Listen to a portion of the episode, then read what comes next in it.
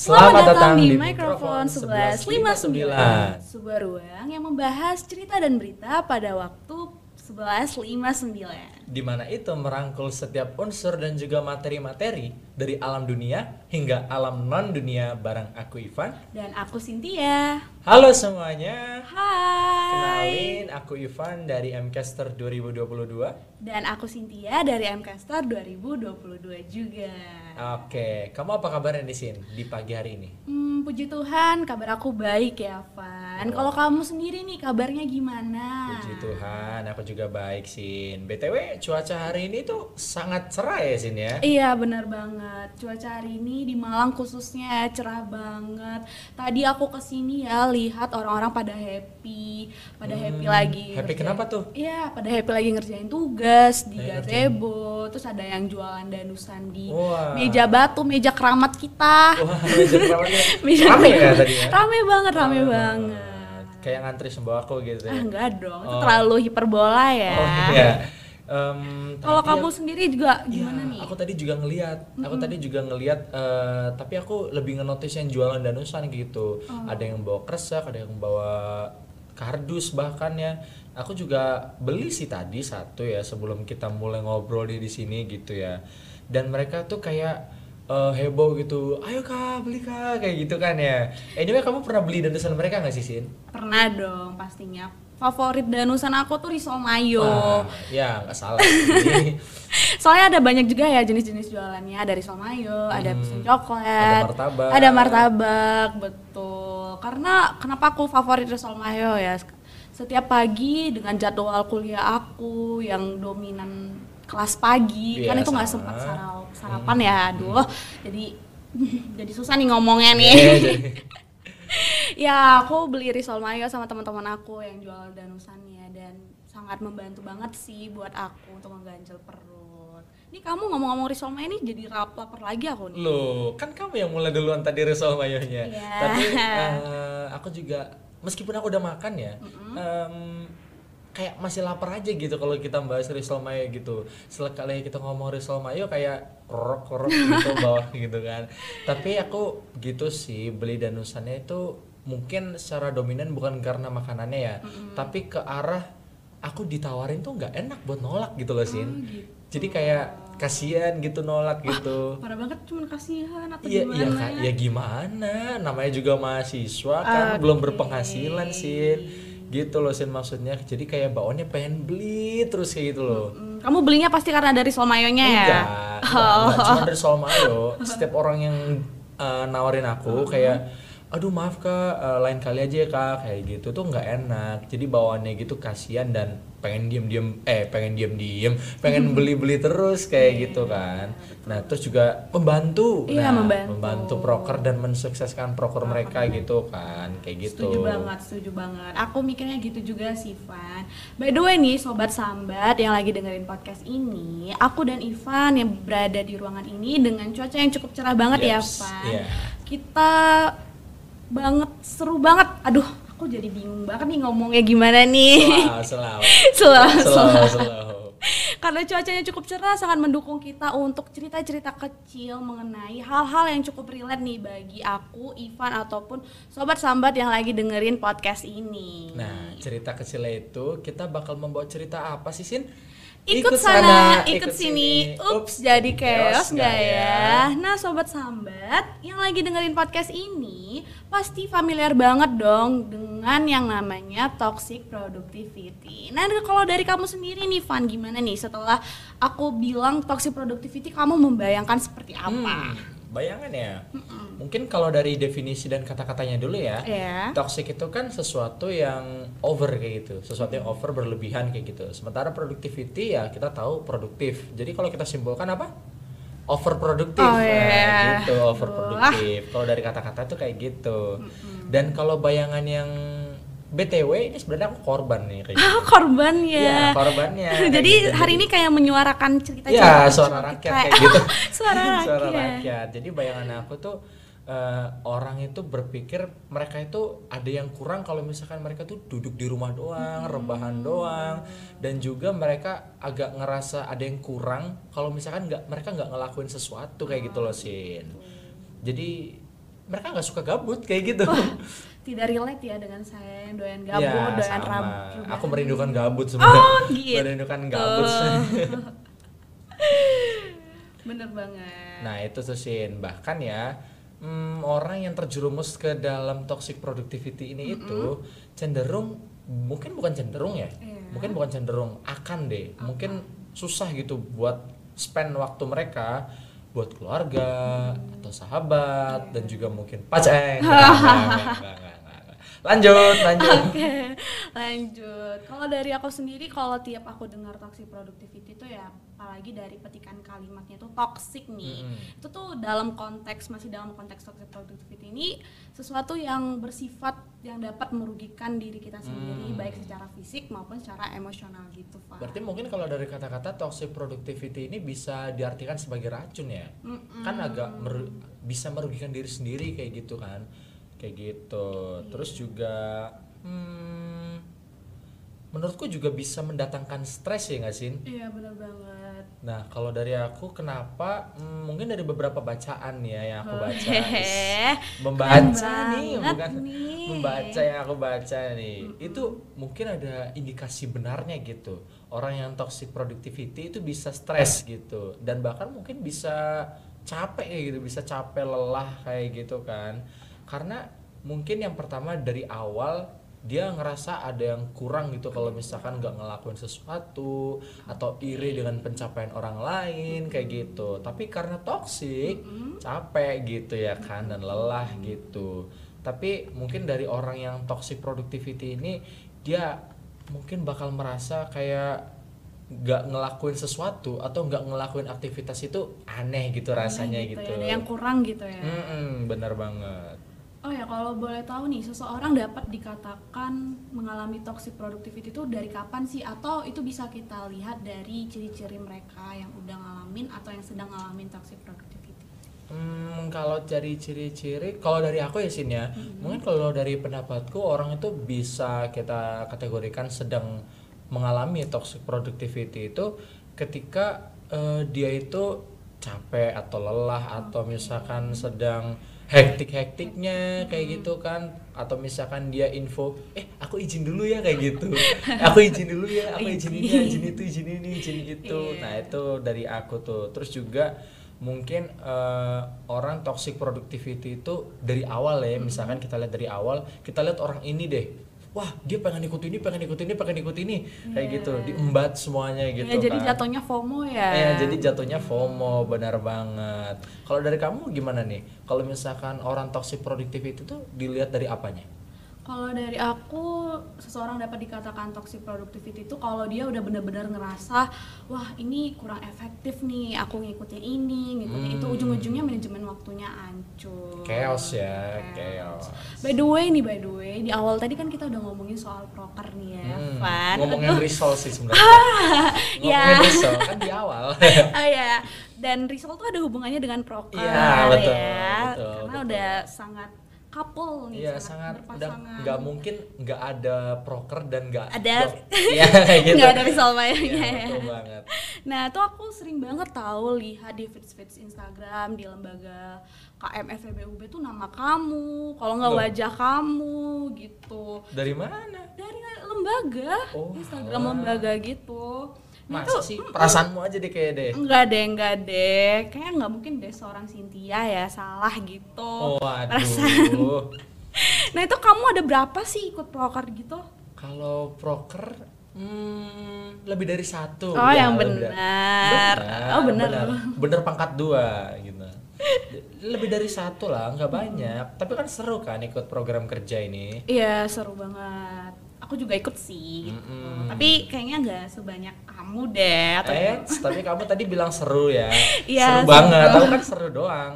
Tapi kamu tadi seru banget. Jangan-jangan mm-hmm. kamu nih yang setiap ada open recruitment ngasih link G-form langsung masuk oh, ke daftar oh, gitu. Oh, enggak dong.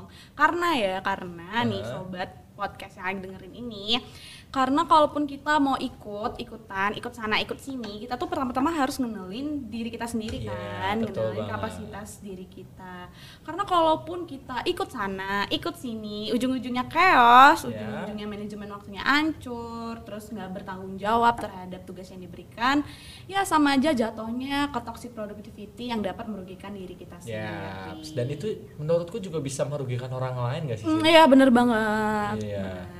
Dan tau gak sih Van aku tuh Mhm. pernah ya lihat seseorang kayak dia ikut sana ikut sini ikut yang A ikut B juga kayak keren gitu kenapa kerennya karena dia tetap mampu memanajemen waktunya mampu tetap fokus di beberapa pilihannya Hmm. dan jatuhnya nggak chaos gitu Nah, itu mungkin kita dari awal ya, yang tadi kamu spill di awal itu kemampuan diri sendiri gitu. Kan setiap orang batasnya beda-beda ya. Iya. Batasnya beda-beda, kemampuan dan juga niatnya mungkin eh, niat atau motivasinya itu cara menjaganya tiap orang-orang itu kan beda-beda juga. Nah, itu mungkin yang jadi pembedaan ada orang yang kayak toxic productivity banget tapi dari mata kita sebagai teman atau sahabat atau orang asing ngelihatnya itu kayak enggak biasa-biasa aja nih dia kayak gitu kan tapi kadang aku juga mikir nih Sin orang termasuk dalam toxic productivity itu kayak mungkin mereka dilihat-lihat jarang ya punya waktu buat keluarga, sahabat dan hal terakhir yang aku catat tadi. itu nyaris nggak ada ya sini ya. Iya. Terus gimana sih Van biar nggak terlalu larut dalam toxic productivity? Itu takut Hmm. banget ya. Aku ataupun kamu salah satunya nggak menyadari bahwa kita tuh wah udah terjerumus nih ke dalam. Aku udah sadar sih. Ah gitu. Aku udah sadar, aku udah sadar gitu. Nah, sebelumnya kita tuh perlu cari tahu dulu Sin. Nah, sebelum kita menghindari atau membuat upaya preventif buat toxic productivity, kita perlu nyadari apa sih yang bikin kita toxic itu seproduktif itu bahkan sampai ke taraf over tuh sebenarnya Wait, apa? wait, wait, wait, wait. Kenapa kita harus tahu gitu? Apakah alasan-alasan yang dimiliki seseorang itu berbeda-beda Iya atau jelas gimana? beda, Oh, jelas beda dong Sin. oke. Pasti itu Pasti pasti berbeda. Ibaratkan aja itu ada deh orang kembar nih. Ini contoh paling simpel aja nih orang kembar. Mereka lahir itu belum tentu kepribadiannya sama kayak gitu. Mungkin wajah mungkin mirip, tapi kepribadiannya mereka pas dewasa itu nggak mirip kayak gitu.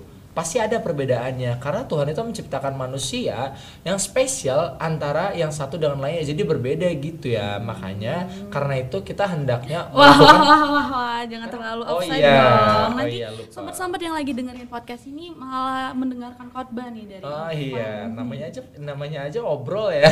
iya, tapi benar sih yang kayak kamu bilang ya. Setiap orang itu punya alasan yang berbeda-beda ataupun buka eh, ataupun sama gitu untuk tujuan yang berbeda-beda juga. Aduh, aku kelibet-libet mulu dan Iya, santai, santai. Santai, santai, santai. Tarik nafas, mungkin ada juga ya dari beberapa orang itu yang FOMO Hmm, gitu. ya FOMO.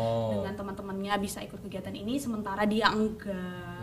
Itu bener sih, itu valid sih. Itu juga tadi aku bilang dari awal tuh, aku kayak aku kan pernah mengalami toxic productivity nih. Mungkin kalau sekarang sedang juga ya.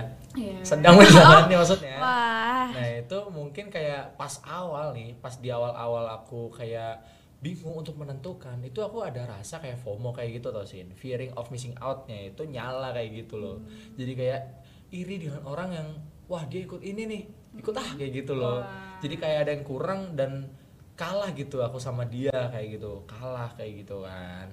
Nah terus juga mungkin bisa karena kita pengen dapat SKP yang banyak gitu kan. Karena SKP itu kan salah satu persyaratan buat Skripsi Iya, pasti. betul. Karena kalau SKP kita nggak mencukupi kita nggak bisa skripsian Iya. gitu terus juga hmm, kita perlu ngenalin yang tadi pertama kemampuan diri sendiri Iya, benar-benar. jangan sampai kita keteteran gitu ya Sin ya nah menurut kamu sendiri gimana nih Ya benar sih kayak kata kamu bilang ya benar, benar dan betul. hmm, bener Ya kita juga bakalan keteteran sama diri kita sendiri. Kalaupun kita nggak pandai memanajemen misalnya pilihan-pilihan apa aja yang mau kita ambil. Kalau udah kebanyakan yang kita ambil, ya bisa memacu lah yang namanya toxic productivity.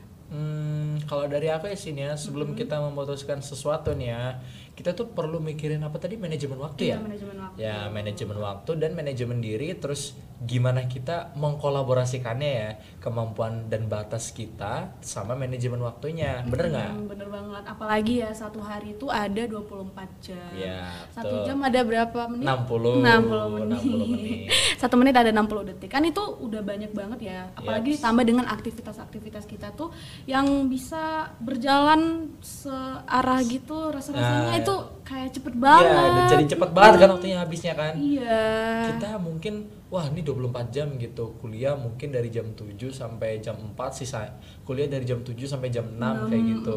Sisanya mungkin buat ngerjain tugas Iya. atau kerja kelompok kayak Iya, gitu kan. belum ditambah kegiatan-kegiatan di luar kuliah kayak Iya. gitu seakan-akan satu jam itu serasa satu menit kayak iya gitu betul ya banget kan? bener banget lagi Nah, mungkin itu kenapa kita semakin sibuk waktu seakan-akan makin cepat kayak gitu ya. Nah, selain itu kita juga perlu ngukur manajemen waktu supaya kita bisa melihat stamina-nya kita kayak gitu. Jangan sampai kita sakit gitu kan. Jangan sampai kita sakit karena kita terlalu toxic, Toxic productivity. Toxic, racun, sakit. Ya.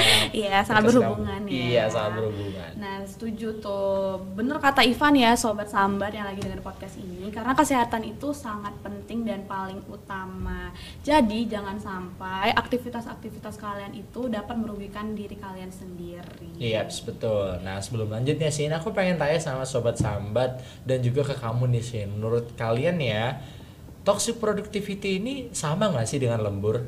Eh, maybe sama ya, atau Hmm. kurang tahu deh. Soalnya itu kayak ada beberapa porsi-porsinya gitu nggak sih, Van? Tapi tolong lurusin deh. Nah, makanya baca. Hmm, aduh, ketahuan deh saya makanya nih. baca.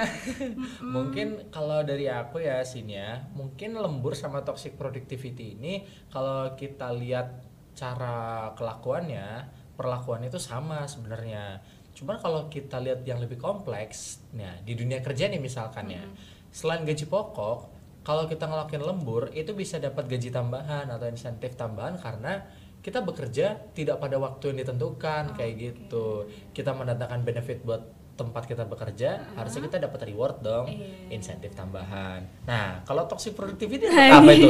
dapat hikmahnya dapat kali ya. hikmahnya gitu dapat capeknya, dapat Dapat apa capeknya kayak gitu ya bener banget nah itu dari toxic productivity ini kan tadi definisi itu kan cuman kebanyakan kegiatan gitu ya Iya. itu nggak efektif kan kalau kita menjalani itu secara berdampingan nggak mungkin kan kita kanan bikin rundown. Iya, kiri kiri kerjain tugas. ya nggak mungkin kan kayak gitu Iya. kan. Pasti kita bakal memanajemen waktu mungkin hari jam sekarang jam 7 malam kita kerjain tugas kuliah. Habis itu karena belum selesai kita perlu lembur nih. Eh salah. Toxic productivity. Ya kita perlu toxic karena kita belum kerja. Iya. kita belum kerja. Nah itu tadi. Kita perlu waktu tambahan spend waktu mungkin mengurangi waktu istirahat kita buat kita pakai nyelesain semua tanggung tanggungan itu gitu Wah sangat cerah ya teman-teman. jelas dong secara pagi ini Oh iya bener banget secara pagi ini. Tapi ngomong-ngomong cerah nih, telinga kananku dan telinga kiriku sering banget dengar nama kamu. Iya, Seperti kenapa yang aku diawalin tadi ya kan, Hmm. kayak nama kamu muncul di lembaga-lembaga. Ternyata ini sangat mendukung opini dari telinga kanan dan telinga kiriku itu. kenapa emang ya Kenapa ya? Karena kamu tuh prokernya banyak banget sampai 6 Loh, siapa yang bilang 6? Ya, seseorang lah, tidak perlu kita bawa di dalam ruangan ini. Berarti satu, seseorang. Hmm, Seseorang. ah, Waduh, ya itu juga sih. Perlu di searching nih bentar. Nah, itu kamu ngambil 6 itu gimana sih itu?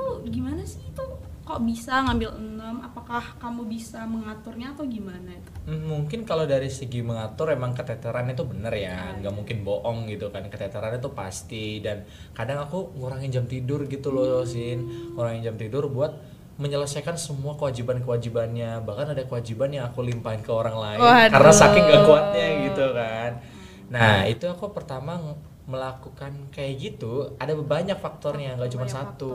faktor. Apa nah pertama mungkin tadi FOMO Oke, kayak gitu ya. FOMO. Aku kayak ngerasa ada yang kurang di diri aku kalau misalkan aku nggak ikut ini padahal orang lain ikut kayak gitu. Terus juga pengen dapat SKP sebanyak banyaknya gitu. Kan sayang ya kalau misalkan skripsi kita udah bagus jadi. tapi nggak diizinin buat skripsian nggak buat ujian kayak gitu karena SKP-nya kurang kayak gitu. Jatuhnya bayar semester lagi dong. Waduh. Kayak gitu. Nah, terus aku mungkin terlalu menjadi people pleaser kayak gitu. Tadi yang kita singgung pas danusan, Oke. aku itu nggak enak kalau misalkan uh, menolak sebuah tawaran yang orang kayak gitu. Sekarang ke segi kegiatan di luar kuliah gitu, di luar kampus. Nah, aku jadi kayak ngerasa nggak enak buat menolak. "Eh, maaf ya kak, lain kali aku udah terlalu sibuk itu nggak ah, kayak di awal-awal itu kayak udah nggak enak kayak gitu udahlah ikut aja nggak apa-apa ya eh, sekarang aja aku jadi kuat aja deh udah tak tolak sebenarnya.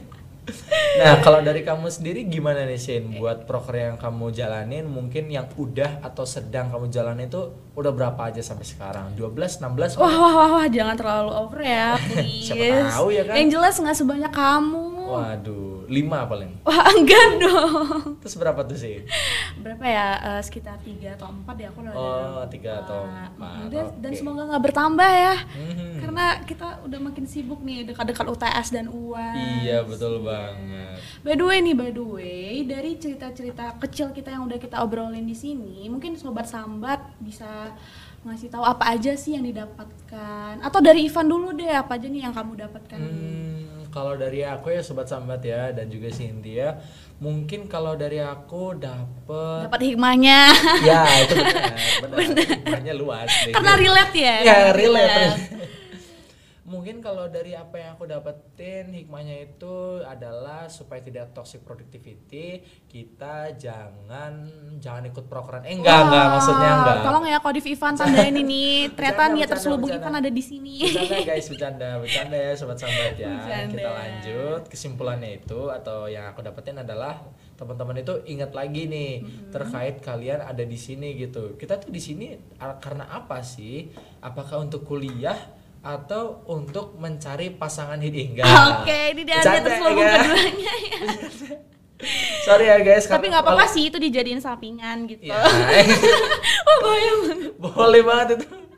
Sorry ya guys ya, orangnya toxic productivity itu sesuai bacaan emang perlu kerendeman gitu sih. Iya, mungkin ini langsung ke good partnya aja deh, Oke oke, Van. ke good partnya ya. Jadi hmm, kalau yang aku dapetin itu tadi, kita nggak bisa sih nyalain toxic productivity itu karena yang jelas kan kita yang menentukan dan kita yang melakukan kan. Iya benar. Nah, jadi toxic productivity itu adalah pemikir, pemikiran dan juga anggapan sendiri kayak gitu. I mean cepat atau lambat kita pasti bakalan melakukan atau mengalami yang namanya toxic productivity ini. Kebetulan aku kan 19 tahun. Kamu berapa? 19 tahun juga. Nah, 19 tahun juga. Masih banyak tahun-tahun ke depannya yang mungkin kita bakal merasakan toxic productivity yang jauh lebih toxic lagi yang mungkin seharian kita nggak tidur atau mungkin dua hari kita nggak tidur kayak gitu ya. Nah, itu mungkin pasti bakal kita alamin dan yang aku notes, yang aku bold, italic, underline kayak gitu ya adalah cara kita upaya preventif mencegah atau mengurangi taraf toksik itu menjadi produktif aja kayak gitu. Nah, gimana caranya biar nggak toksik itu ya tadi ya dari manajemen waktu, manajemen diri sendiri, menilai stamina, terus keterbatasan kayak gitu ya. Terus juga perhatian kita ke orang terdekat jangan sampai berkurang. Benar nggak sih? Oke, benar banget.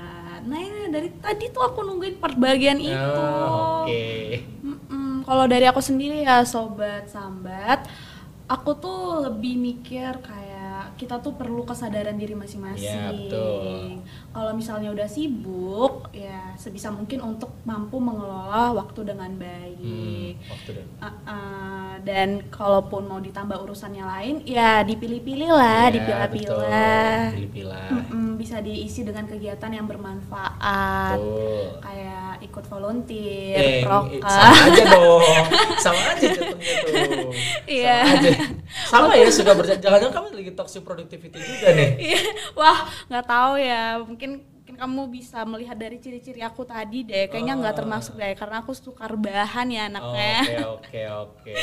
ya, ya sobat sambat nih bisa diisi dengan kegiatan yang bermanfaat seperti hobi. Iya, betul tuh hobi. Benar banget. Nah, gimana kalau misalnya nih kita udah nggak ikut beberapa aktivitas di luar yang memicu toxic productivity, tapi kita masih punya kesibukan-kesibukan lain yang jatuhnya tuh tetap pro, toxic productivity gitu. Itu gimana tuh, Van? Um, kalau dari aku sendiri pandangannya tadi ya yang udah kita notes karena cepat atau lambat mungkin sekarang nanti besok lusa minggu depan atau tahun depan kita bakal ngalamin yang namanya toxic productivity ini itu sin karena sebenarnya tuh toxic productivity itu nggak berbahaya nggak berbahaya. Bahaya kalau dilakukan secara terus menerus nih makanya guys jangan uh, mengambil semuanya gitu. Jangan mengambil semuanya. Karena yang banyak itu tidak baik dan yang terlalu sedikit nggak baik juga. baik jadi juga. harus pas sih gitu. Pas. Dan kita juga ya jangan menunda, jangan menunda-nunda ya. Iya, jangan, jangan menunda-nunda. pekerjaan kayak gitu. Karena nanti jatuhnya juga toksik juga Oke, sangat di banget ya cerita kecil kita pada hari ini. Iya, betul banget. Sampai-sampai ya, aku bahkan kita ngobrol gini dapat pengetahuan dan pandangan baru terkait yeah. toxic productivity ya. Aku jadi kayak ada rasa ya menyesal dikit kayak gitu ya. Ada ada rasa menyesal dikit kenapa aku terlalu sibuk dan menyakitkan diri sendiri kayak gitu ya. Kayak badanku udah ngeluh, "Eh, istirahat dong." kayak gitu. Oh. Eh, istirahat dong kayak gitu. Enggak guys, kayak gitu. Nah, kayak gitu. Sebelum aku nyampein topik ini juga, jujur li aku tuh udah baca beberapa bacaan ya oh, dan udah sempat searching juga gitu daripada salah ya kan yeah. daripada salah kita memberikan informasi yang yang agak mencong kanan kiri kayak mm-hmm. gitu. Supaya kita nggak tersesat kayak gitu. Untuk aku baca nih ya sobat sambat ya.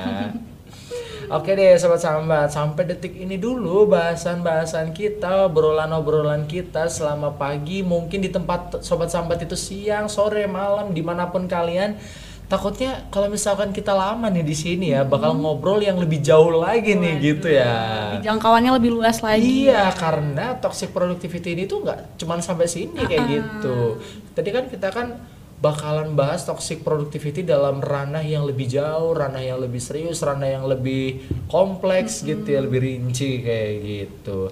Takutnya nanti pendengar malah addicted tuh kayak gitu.